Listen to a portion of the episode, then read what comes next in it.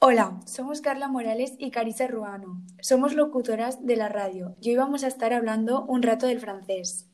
El francés es lengua oficial de 29 países, lo que coloca en segundo lugar detrás del inglés en cuanto a número de estados. Entre ellos, los países que se hablan francés son Bélgica, Canadá, francés, Luxemburgo, Madagascar, Mónaco, etc. El francés es también el idioma del procedimiento de la Unión Europea, la única lengua utilizada para las deliberaciones del Tribunal de Justicia de la Unión Europea. La gente nos pregunta cuántos hablantes del francés hay. La respuesta más fácil son 300 millones de hablantes. Pero entre estos 300 millones de locutores no solo se encuentran hablantes nativos, sino también semihablantes. El origen del francés es moderno. Era una versión popular hablada del latín que se había extendido gracias a las legiones conquistadoras romanas. El francés se escribe con el alfabeto latino.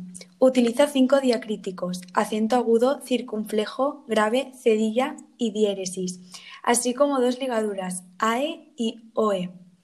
Os voy a decir una palabra y una frase traducida del español al francés. Español, hola, y en francés, salud. Español, me llamo y en francés, je m'appelle.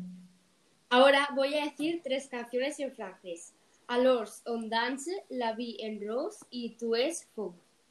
Bueno, y esto es todo lo que podemos contar sobre el francés. Gracias y hasta mañana.